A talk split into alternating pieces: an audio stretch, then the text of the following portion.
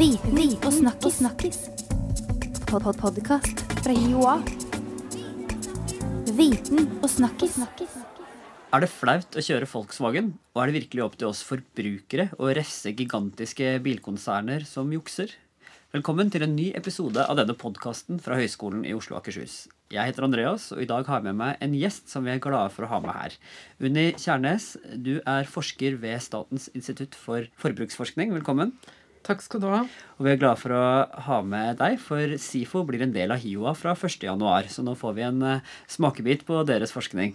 Og vi kan jo gå rett på. Eh, Hvordan forstår du som forbruksforsker denne Volkswagen-saken?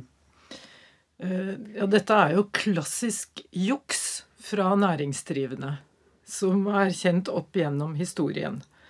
Og det er et problem for vanlige folk, men det er vel først og fremst et problem for samfunnet som helhet. Kommer folk til å slutte å kjøpe Volkswagen, tror du? Det vet jeg ikke. Eh, I Norge så er det sånn at miljøspørsmål de er i, i liten grad lagt til forbrukerrollen. Man regner med at dette skal løses av staten i forhold til, direkte i forhold til næringslivet. Eh, Det kan jo hende at de føler seg direkte lurt, og så velger de en annen bil neste gang de skal kjøpe bil. Det kan godt hende, og det vil jo være greit. Men, men eh, samtidig så kan det jo hende at de har ikke kjøpt bil fordi, eh, Volkswagen fordi de har lave utslipp. Eh, Det kan hende de har kjøpt av helt andre grunner. Så det er ikke så godt å vite. Men er det blitt flaut å kjøre Volkswagen? Nei, det tror jeg faktisk ikke. fordi her er det Volkswagen-selskapet som er skurkene, og ikke den enkelte. Dette er noe, dette, dette er juks, og folk kunne ikke vite det. Hva må Volkswagen som konsern gjøre for å gjenopprette den tilliten som de har mista? Ja, det er mange tanker og mye forskning rundt det med å bygge renommé og bygge opp noe som er tapt så grundig, men jeg syns egentlig ikke det er så veldig viktig som samfunnsspørsmål. Det er et problem for Volkswagen, og kanskje, eller forhåpentligvis for bilindustrien som helhet, men for vanlige folk og for staten er jo ikke det noe stort problem. Men tror du altså da folk kommer til å glemme eh, glemme dette litt. Altså Avisforsidene forrige uke var fulle av Volkswagen, og så eh, blir det litt mindre og mindre. Hva, hva tror du om det? I de fleste saker så er det sånn at skandaler, hvis ikke de følges opp av nye skandaler eller vedvarende graving fra journalister om nye sider ved saken, så glemmer folk det. Særlig hvis det er sånn at det ser ut som noen ordner opp. Kommer noen til å ordne opp, tror du? Ja, her er det jo store penger involvert. Sånn at øh, den norske staten har jo allerede varslet at de kommer til å gjøre noen ting, og sånn kommer det nok til å være mange steder. Eh, I USA, som har jo vært typisk nok de som har drevet fram denne saken, der er det jo veldig vanlig at, at det kommer søksmål, rett og slett. da. Hva, hva, kan norske, hva kan norske myndigheter gjøre for å følge opp dette her? Ja, bortsett fra det med erstatningskrav og rettssaker og, og den type ting, så kan de jo uh, gå inn og se på hvilket kontrollregime de har. Det er interessant at denne saken ble oppdaget i USA og ikke i Europa. Eh, Selvfølgelig spesielt i Tyskland, men, men også i Norge. Sånn at de kan jo begynne å eh, se om dette er et kontrollregime som fungerer. Har du noen tanker om eh, hva slags kontrollregime vi egentlig trenger? Ja, altså Det som har skjedd de siste årene på mange områder, det er at med mer avansert teknologi og større selskaper så har det vært et press for å lage kontroll som er basert på at selskapene selv kontrollerer og myndighetene reviderer. I stor grad som en slags papirkontroll. Da antar man at selskapene ikke ljuger og bedrar. Og det har vi jo sett mange ganger at de faktisk gjør innimellom. Kanskje ikke så ofte, men de gjør det. Og det er jo store saker. Altså Hestekjøttskandalen er jo et annet sånn nylig eksempel på det. Sånn at det å faktisk liksom ta kontrollen, bokstavelig talt, da, Altså Man kan ikke kontrollere alle biler hele tiden eller all mat hele tiden, men, men man kan diskutere om det fins mer effektive, uavhengige kontrollregimer som ikke er så sammensauset med industriens interesser. Som du sier, dette er store penger, og det er politikk. Men så har vi jo, altså En ting er jo disse potensielle kjøperne. Men så har vi jo de som sitter bak rattet på en Volkswagen allerede. De har rett og slett blitt lurt. Hva skal de gjøre? Ja, altså i Europa så er det, eller i hvert fall i Norge, så er det jo ikke mulig med gruppesøksmål. I USA så er det jo mange saker, og særlig med bilindustrien, med gruppesøksmål fra folk som forbrukere. Det vil neppe skje, i hvert fall ikke i Norge. Så jeg tenker at dette mer Altså folk kan bli mer skeptiske. Det tror jeg er en sunn skepsis. Og i denne saken så kan de kanskje få mindre tro på biler som miljøløsning. Det syns jeg ville være helt kjempefint. Det ville være en stor miljøgevinst.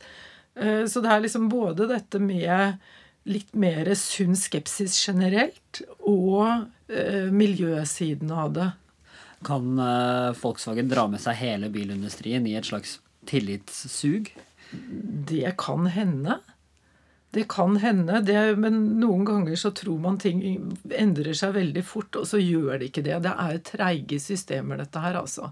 Og, og, jeg mener, bil for de fleste mennesker er bare en sånn hverdagsting som man bruker. Det er ikke noe veldig eh, symbolsk eller noe som helst. Det er en praktisk sak. De trenger bil til å kjøre ungene til barnehagen og kjøre på hytta eller på jobben. sånn at det er ikke sikkert at verden endrer seg så veldig, men men det kan jo hende at dette er I og med at det er så stor sak, at det slår en kile inn i noe som man nesten ikke har diskutert i det hele tatt. Tesla-gründeren bør jo være ganske fornøyd med sin eh, lansering av den nye Tesla-modellen nå for litt siden. Er det sånn at alle skal kjøre elbil nå? Det, blir det en symbolsak? Eh, altså, det er jo for de som har råd. Dessuten for de som bor i byene. Og nesten alle som har en Tesla, de har en annen bil i tillegg. Sånn at jeg, den der Tesla-løsningen generelt er det vel mange som er skeptiske til. Men, men, det er klart at elbiler i byene har noen miljøgevinster, åpenbart. Hvordan forsker du på disse temaene? Eh, jeg har jo åpenbart ikke forsket på Volkswagen. Eh, jeg har jobbet mest med mat. Og da har jeg forsket på forholdet mellom det myndighetene gjør, det eh, bedriftene gjør, og folks reaksjoner.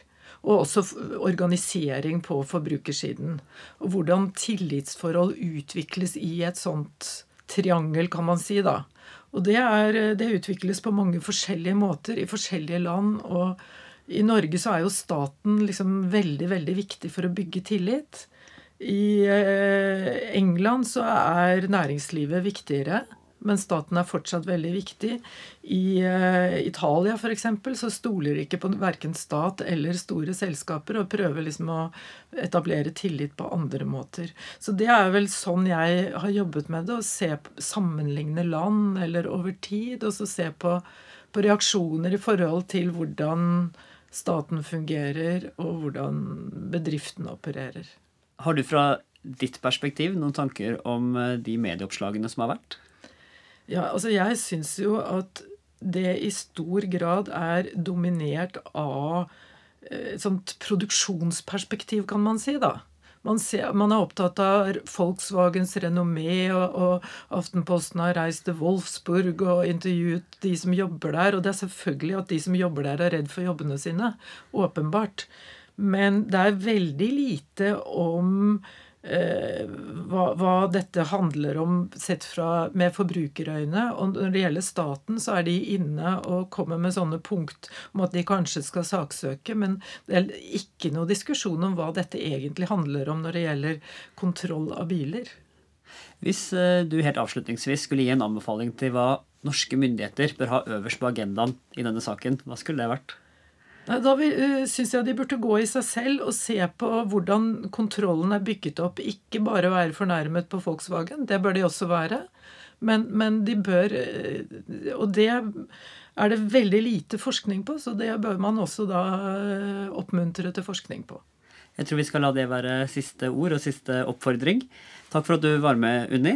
Og tusen takk for at jeg fikk komme. Vi gleder oss til å få deg som kollega her på HiOA fra nyttår.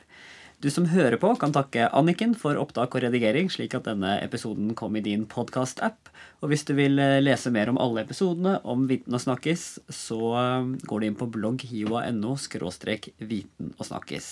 Ha det bra! Viten og snakkis. snakkis. Pod -pod Podkast fra Joa. Viten og snakkis. snakkis.